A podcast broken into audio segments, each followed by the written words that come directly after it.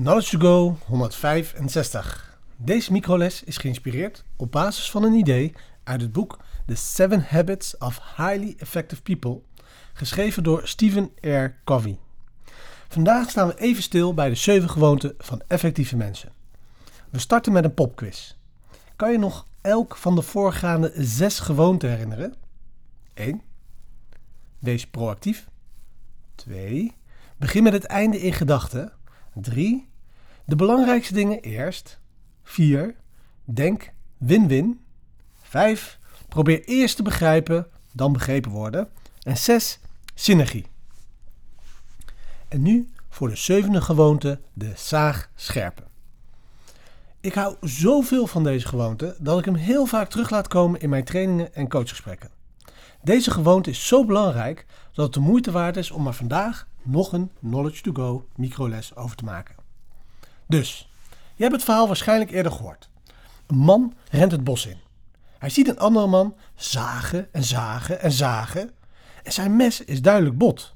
Dus hij zegt beleefd tegen de zagende man: Meneer, uw zaag lijkt bot te zijn. De zaag kan, bad, kan baat bij hebben bij een beetje verscherping. De man die antwoordt: Ik heb het veel te druk om de zaag te slijpen. Helaas ben jij de man of vrouw met de botte zaag. Hint, die zou jij kunnen zijn.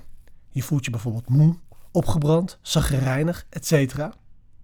Hier is nog een metafoor om het punt helemaal duidelijk te maken. Je bent op een lange roadtrip en je rijdt van de ene plaats naar de andere. Je benzinetank is duidelijk bijna leeg. Je hebt nog een weg te gaan. Je vriend op de passierstoel zegt tegen je: hey, we moeten stoppen om te tanken. En jij antwoordt: Wat? Echt niet.